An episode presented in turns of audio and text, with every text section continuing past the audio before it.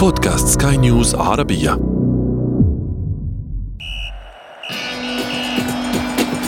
أثير الكرة.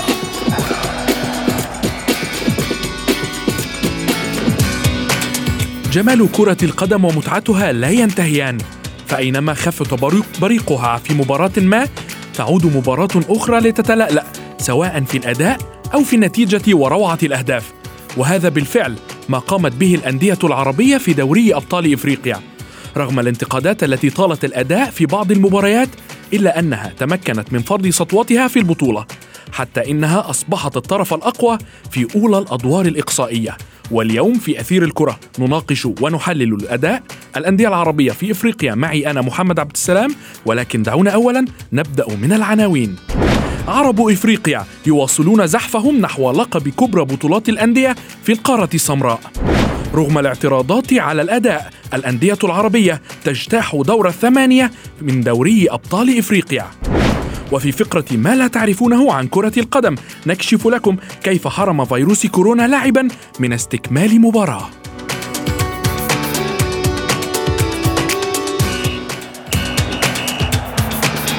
أثير الكرة.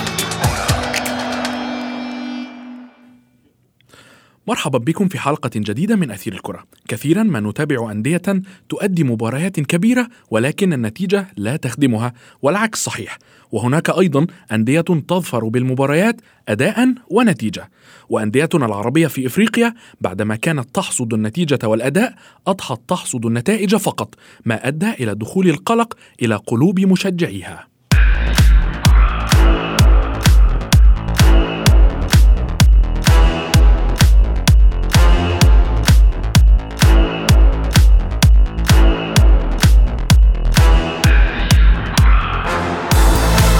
ضمنت الأندية العربية خمس مقاعد لها في أولى الأدوار الإقصائية لدوري أبطال إفريقيا ما يبشر بإمكانية تكرار الموسم الماضي من البطولة بعد وصول أربعة أندية إلى الدور قبل النهائي. لكن القلق الوحيد هذه المرة هو هبوط أداء هذه الأندية خلال هذه الفترة. نتابع المزيد في التقرير التالي بصوت إيمان جبور ثم نواصل. دوري أبطال إفريقيا يتزين بالأندية العربية. فللموسم الثاني على التوالي تحجز الفرق العربية في القارة معظم مقاعد دور الثمانية. فقد تأكد تأهل كل من الأهلي المصري عن المجموعة الأولى رفقة نادي سيمبا التنزاني والوداد البيضاوي المغربي عن المجموعة الثالثة والترجي الرياضي التونسي عن المجموعة الرابعة والأخيرة. أما الفريقان العربيان الباقيان فسيتحددان في الجولة الأخيرة وهما إما شباب رياضي بلوزداد الجزائري أو الهلال السوداني عن المجموعة الثانية حيث يملك الشباب بلوزداد في رصيده ست نقاط من خمس مباريات ومتبقي له مباراة مع متصدر المجموعة فريق سان داونز جنوب الإفريقي. بينما يملك الهلال أربع نقاط من خمس مباريات ويتبقى له مباراة أمام مازيمبي الكونغولي متذيل ترتيب المجموعة. وفي المجموعة الأخيرة ضمنت الأندية العربية المقعد الخامس الذي يتنافس عليه مولودية الجزائر والزمالك المصري حيث يمتلك المولودية ثمان نقاط من خمس مباريات ويتبقى له لقاء أخير أمام الترجي التونسي متصدر المجموعة ويحتاج فقط إلى نقطة وحيدة لضمان التأهل. أما الزمالك المصري فمتبقي له مباراة نسبيا سهلة أمام فريق تونجيتا السنغالي في القاهرة. ولكن لكي يتأهل أبناء القلعة البيضاء لابد أن يهزم الترجي فريق مولودية الجزائر بأي نتيجة. ذلك لأن المواجهات المباشرة ستحسم تأهل الزمالك بعدما تغلب على المولودية بهدفين دون مقابل في الجزائر.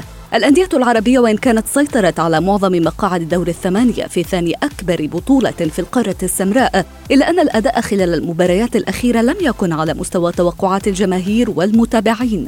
فبعد البداية القوية والفوز في معظم المباريات إلا أن المستوى هبط وبشكل ملحوظ خاصة بعد العودة من التوقف الدولي. فرأينا بطل النسخة الأخيرة وصاحب الرقم القياسي في عدد ألقاب دوري أبطال إفريقيا النادي الأهلي المصري وهو يتأهل بشق الأنفس في مجموعته بعدما فاز في مباراتين فقط وتعادل في مثلهما وخسر واحدة. كما أن أداء الشياطين الحمر في المباراة الأخيرة أمام نادي المريخ السوداني التي انتهت بالتعادل لم يكن مقنعا. بل ورأى البعض أن النادي المصري استحق الخسارة.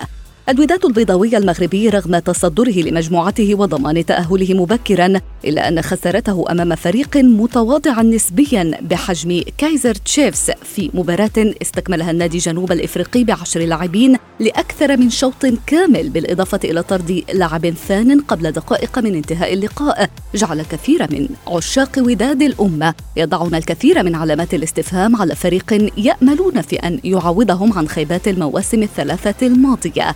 أما الترجي الرياضي التونسي والذي أيضا ضمن التأهل مبكرا ويعد من المرشحين الأقوياء لحصد رقب البطولة صحبة الأهلي المصري والوداد المغربي وسان داونز جنوب الإفريقي. لكن خسارته الأخيرة أمام نادي تونجيت السنغالي صدمت الكثير من متابعي كرة القدم في إفريقيا ليس فقط مشجعي الفريق.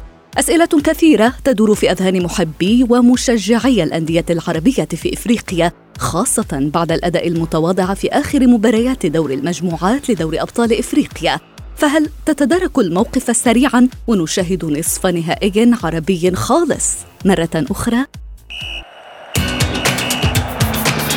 أثير الكرة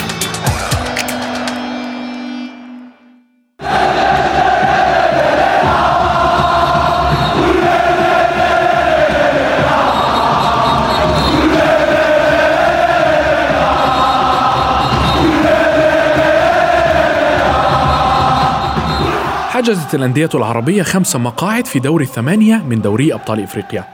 رقم يبشر بأن للعرب قوة ضاربة في القارة ما يضمن تحقيق أحد هذه الأندية للقب. ولكن الأداء مؤخرا ورغم التأهل لا يبشر بهذا على الإطلاق.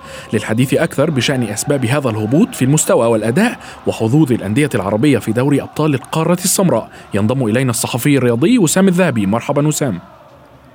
أهلا وسهلا. مرحبا و... ومرحبا بالمستمعين الكرام. وأيضا ينضم إلينا من القاهرة الصحفي الرياضي ضياء الدين محمد. مرحبا ضياء. أهلا بك زميلي واهلا بوسام واهلا بالمستمعين. وسام دعني أبدأ معك. البداية كانت قوية من الأندية العربية لكن الآن ما رأيك في الأداء الحالي خاصة للأندية الثلاثة التي ضمنت تاهلها ترجي وداد الأهلي؟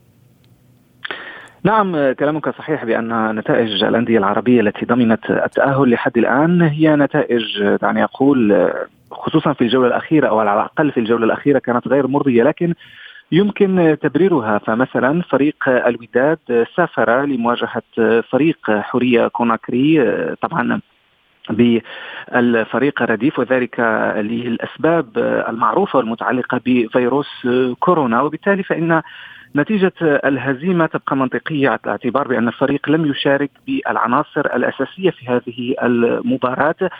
بالنسبة لفريق الترجي أكيد بأن الهزيمة مفاجئة جدا أمام نونجيت السنغالي الفريق المتواضع جدا والذي كما نعمل نعلم تأهل بعد تحقيق المفاجأة أمام فريق الرجاء البيضاوي. وبالتالي فإن هذه أو الترجي سيكون مدعو في الجولة الأخيرة بتحقيق نتيجة إيجابية لإعادة الاعتبار لنفسه اولا وأيضا آه، صديقي عبد السلام ضمان صدارة المجموعة. نعلم بأن الصدارة هي مهمة جدا في القرعة قرعة ربع النهائي. بالنسبة للأهلي حامل اللقب فإن النتيجة التي حققها في المباراة الأخيرة أمام المريخ المريخ الذي كان يأمل في الإبقاء على حظوظه في التأهل. نتيجة جد مخيبة بالنسبة للأهلي على اعتبار بأن الأهلي الآن فقد بشكل كلي حظوظه في التأهل كمتصدر المجموعة وهذا سيضعه في مواجهات صعبة في الدور القادم أمام الفرق المتصدرة للمجموعات الأخرى. وبالتالي فإن الآن الأهلي وضع نفسه آه، تحت ضغط كبير. كما أن نتائجه لم تكن بتلك النتائج المبهرة قياسا بفريق سيمبا التنزاني الذي نجح في الانتزاع. في الفوز بأربع مباريات. نعم. أي هزيمة. نعم فاز بأربع مباريات تعادل في مباراة. نعم ضياء هناك نادي صن داونز سيمبا أيضا. آه الذي يعد مفاجأة حتى الآن كما قال وسام أيضا. تعتقد أنهم سيشكلون خطرا على الأندية العربية في الدور القادم؟ بدون شك بدون شك بدون شك طبعا هيشكلوا خطر خاصة لأن هما الاثنين ماشيين بخطة وبرنامج من فترة طويلة. يعني سان داونز دلوقتي بيجني ثمار خطته اللي هي اللي هو شغال بيها من خمس ست سنين. إن هو أصبح واحد من من عظماء القارة. وأصبح واحد من الفرق المرشحة دايما لنيل اللقب وبالفعل فاز باللقب في 2016 يعني سان داونز ماشي بخطة من فترة فطبيعي جدا اللي هو فيه ده دلوقتي إن هو يكون بهذا القدر من من الخطورة وبهذه القدر من الهيبة في الكرة الأفريقية. حتى بعدما فقد آه، آه، موسيماني؟ حتى بعد ما فقد موسيماني أنا يمكن عايز أقول لك أنا متابع ماتشاتهم هم بقوا أفظع. أيام موسيماني يعني الفريق بقى بيستحوذ على الكورة بشكل هستيري. حاجة حاجة كده شبيهة ببرشلونة جوارديولا حرفيا. فريق أغلب أهدافه 16 تمريرة 20 تمريرة 22 تمريرة ثم الهدف. فريق أسلوب لعبه لم يتأثر برحيل موسيماني بل بالعكس ده, ده, ده زاد قوة وزاد اتقانا بعد رحيل موسيماني. آه على الجانب الآخر سيمبا سيمبا رئيس النادي طلع وقال إن هو اوريدي بالفعل عندهم خطة ماشيين عليها لأن هم هدفهم إن هم في 2024 ياخدوا البطولة. فهو ماشي بشكل مرحلي هو حاليا اتأهل آه، لربع النهائي آه، متصدر المجموعة قد يصل لنصف النهائي ممكن السنة الجاية تلاقيه وصل للنهائي. لحد ما يحقق هدفه أو يحقق الهدف من البرنامج اللي هو حاطه فبدون شك هما الاثنين طبعا بقوا فرقتين من يعني خطيره يعني فريقان خطيران على آه، أي منافس في كرة القدم الأفريقية. نعم ولكن آه، كنا نتحدث من قبل وقلت أن آه، الأهلي حتى في أضعف حالاته أو هناك أحد المتابعين قال أن الأهلي في أضعف حالاته يشكل تهديد ويكون دائما مرشح لنيل اللقب ولكن هذا هذا الموسم لا يعتقد ذلك أتتفق معه؟ الاهلي يظل دائما المرشح أول للفوز باللقب مهما كانت حالته. آه، يمكن اللي حصل قدام المريخ كمان يوريك يعني. أنت قدام المريخ مغلوب لحد الدقيقة الأخيرة في المباراة ولكن قدرت إنك أنت ترجع رغم ظروف رغم ظروف طقس رغم حالة ملعب سيئة رغم إن اللعيبه ما كانتش في حالها. فالأهلي دايما بيرسخ ثقافة إن أنا هكسب حتى لو وحش. ودي آه، يعني ثقافة مهمة جدا ومطلوبة جدا إنها تكون لدى الابطال يعني أي بطل أي فريق عايز يبقى بطل لازم توصل للمرحلة ديت وإنها تكون قادرة تكسب حتى وهي وحشة. آه الأهلي يظل دائما مرشح أول للفوز باللقب بالخبرة بالسمعة بقدرته على حسم الأمور داخل ملعبه وقدرته على الخروج بأقل الخسائر خارج ملعبه فحتى لو في تذبذب في المستوى يظل مرشحا طبعا بدون شك. نعم آه كابتن وسام. نعم. الوداد ماذا يحتاج الوداد لكي يعود آه، آه، وداد الأمة الذي رأيناه آه، في نهائي موسمين متتاليين؟ على فكرة صديقي السلام فريق الوداد يبصم على موسم متميز. يعني بغض النظر عن الهزيمة الأخيرة فإن فريق الوداد يحقق نتائج جد إيجابية في الدوري المغربي فاز في ديربي كازابلانكا في ديربي الدار البيضاء على فريق الرجاء يتصدر الدوري المغربي. ما زال متواجدا في منافسات دوري أو عفوا في منافسات كأس العرش وأيضا في منافسات دوري الأبطال. حجز بطاقة التأهل في وقت مبكر وبالتالي فإن حصيلة الوداد بشكل عام هي جيدة وهناك طموح كبير لدى الجماهير. من أجل حصد الثلاثية. يعني فريق الوداد قدم آه، أوراق اعتماده بقيادة المدرب فوزي البنزرتي وأيضا تشكيلة شابة عرف تواجد مجموعه من اللاعبين المتميزين يتقدمهم الكعبي وأيضا نجم الذي يعرفه جيدا الجمهور المصري حيث لعب في الزمالك. وبالتالي أنا أعتقد بأن الوداد لا يمر بأزمة. يعني يجب الا آه، نعطي هذه الهزيمة الأخيرة أكثر من حجمها لأنها كما قلت فريق الوداد سافر آه، أو عفوا كان قد انهزم مع كازر شيفس آه، سافر بفريق آه، رديف لا يتوفر على لا يضم العناصر الأساسية وذلك لإراحة اللاعبين الأساسيين على اعتبار أن هناك مباريات كثيرة يخوضها الفريق هذا الموسم. وبالتالي فإن هذه الهزيمة هي طبيعية مقبولة وما زالت هناك فرصة للتعويض في الجولة الأخيرة من أجل ضمان صدارة المجموعة. وبالتالي أعتقد بأن الوداد لا زال مرشحا للفوز باللقب. هو من بين أفضل الفرق إفريقيا هذا الموسم فضلا على الترجي وماميلودي سان داونز والمفاجأة سيمبا وأنا أضع الوداد كمرشح أساسي للفوز آه، في اللقب آه، دون النظر إلى الهزيمة الأخيرة والتي جاءت في سياق آه، معين ومحدد. نعم وسام بالتأكيد الوداد دائما وأبدا مرشح خلال الفترة الأخيرة في كل في كل بطولات أفريقيا ولكن أيضا آه، آه، كابتن فوزي البنزرتي كابتن كبير مدرب كبير قامه وقيمة كبيرة. ولكن هل يستطيع مدرب أن يفرط في صدارة مجموعة؟ الآن ممكن من الممكن جدا أن يفقد الوداد صدارة المجموعة. إذا ما فاز حورية سيفقد الوداد صدارة المجموعة.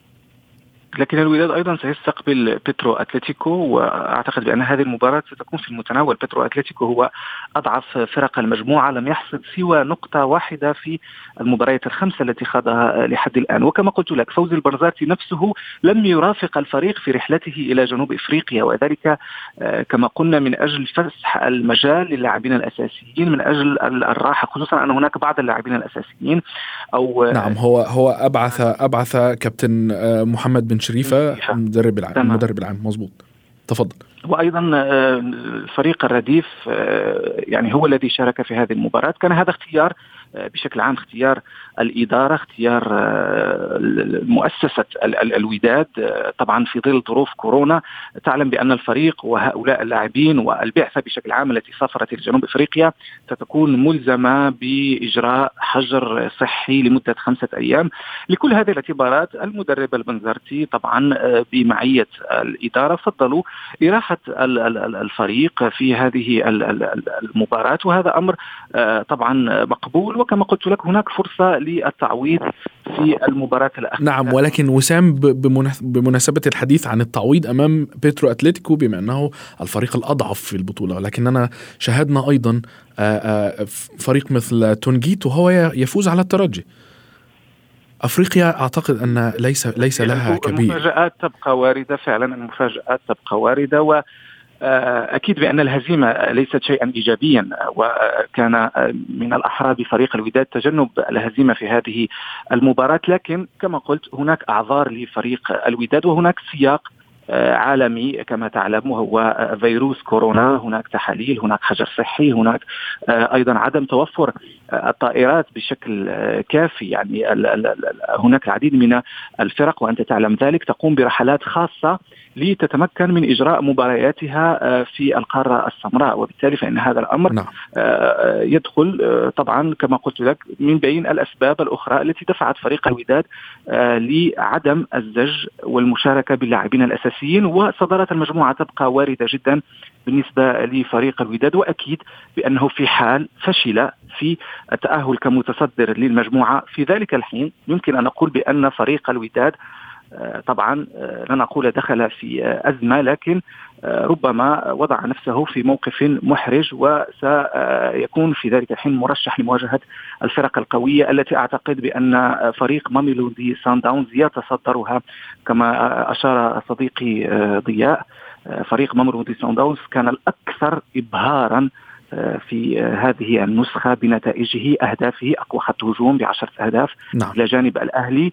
وفضلا عن كل هذا طريقة الأداء هي فعلا طريقة رائعة وتدفعنا جميعا للتصفيق لهذا الفريق. بالتأكيد. ضياء تحدث وسام عن عن عدم وجود أعذار آه، في خسارة الوداد في مباراته الأخيرة. ما هي أعذار النادي الأهلي؟ وما هو السبب الذي وصل بالزمالك إلى هذا الحد في البطولة؟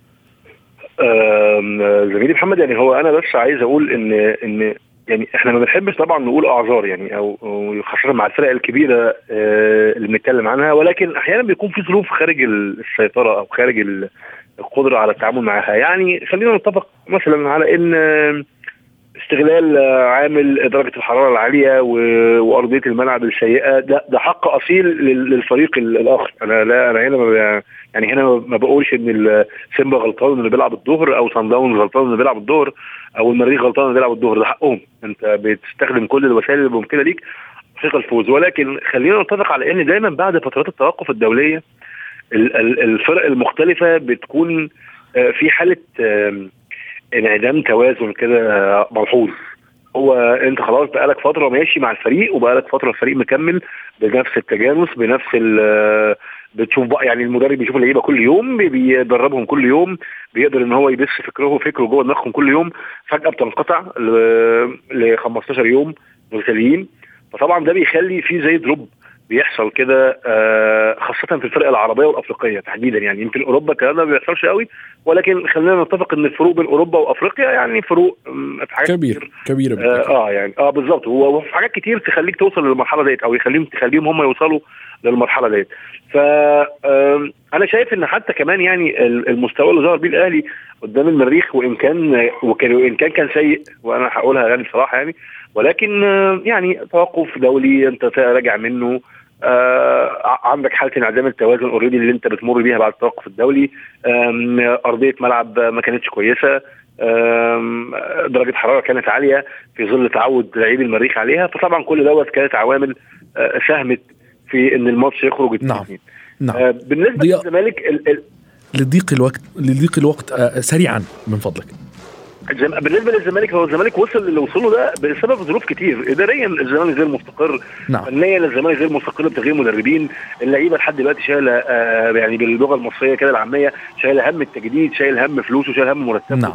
يعني أنت أي موظف لو جبته وخ- وخليته مش ضامن هو هياخد مرتب. آخر الشهر لا. هيتاثر أكيد هيتأثر يعني. نأمل ضياء أن, أن آه، تحقق كل الأندية العربية وتصل إلى آه، آه، ما تريد. شكرا جزيلا لكما الصحفي الرياضي وسام الذهبي وأيضا ضياء الدين محمد.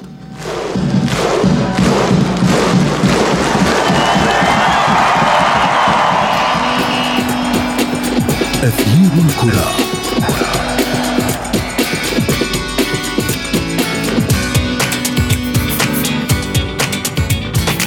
في فقرة ما لا تعرفونه عن كرة القدم نكشف لكم إحدى أغرب المواقف التي حدثت في الملاعب منذ بدء التدابير الاحترازية والوقائية لعدم انتشار فيروس كورونا بين اللاعبين والأجهزة الفنية. حيث شهدت مباراة كرة قدم في دوري الدرجة الثانية في البرازيل استبدال لاعب في الشوط الثاني بعدما تبينت إصابته بفيروس كورونا. وقد أفاد نادي أفاي أن وفدا من الاتحاد البرازيلي لكرة القدم جاء إلى ملعب المباراة وأخبرهم بأن نتيجة الفحص الذي أجراه لاعب الوسط فالديفيا قبل اللقاء جاءت إيجابية ما اضطر الجهاز الفني لاستبداله في الاستراحة بين الشوطين. إشراك اللاعب في المباراة كان طبيعيا خاصة أن نتيجة الفحص التي أجراها قبل 72 ساعة للمشاركة جاءت سلبية. ولكن ما حدث أن الفريق لديه مباراة أخرى بعد ثلاثة أيام ما يعني أن على لاعبيه إجراء فحص كوفيد-19 في نفس يوم المباراة التي سيخوضها. وهنا جاءت نتيجة اللاعب فالديفيا إيجابية وكان لابد من عدم إكماله للمباراة. بهذا نكون قد وصلنا وإياكم إلى صافرة النهاية لحلقة اليوم. انتظرونا في حلقات جديدة. كنت معكم أنا محمد عبد السلام. إلى اللقاء.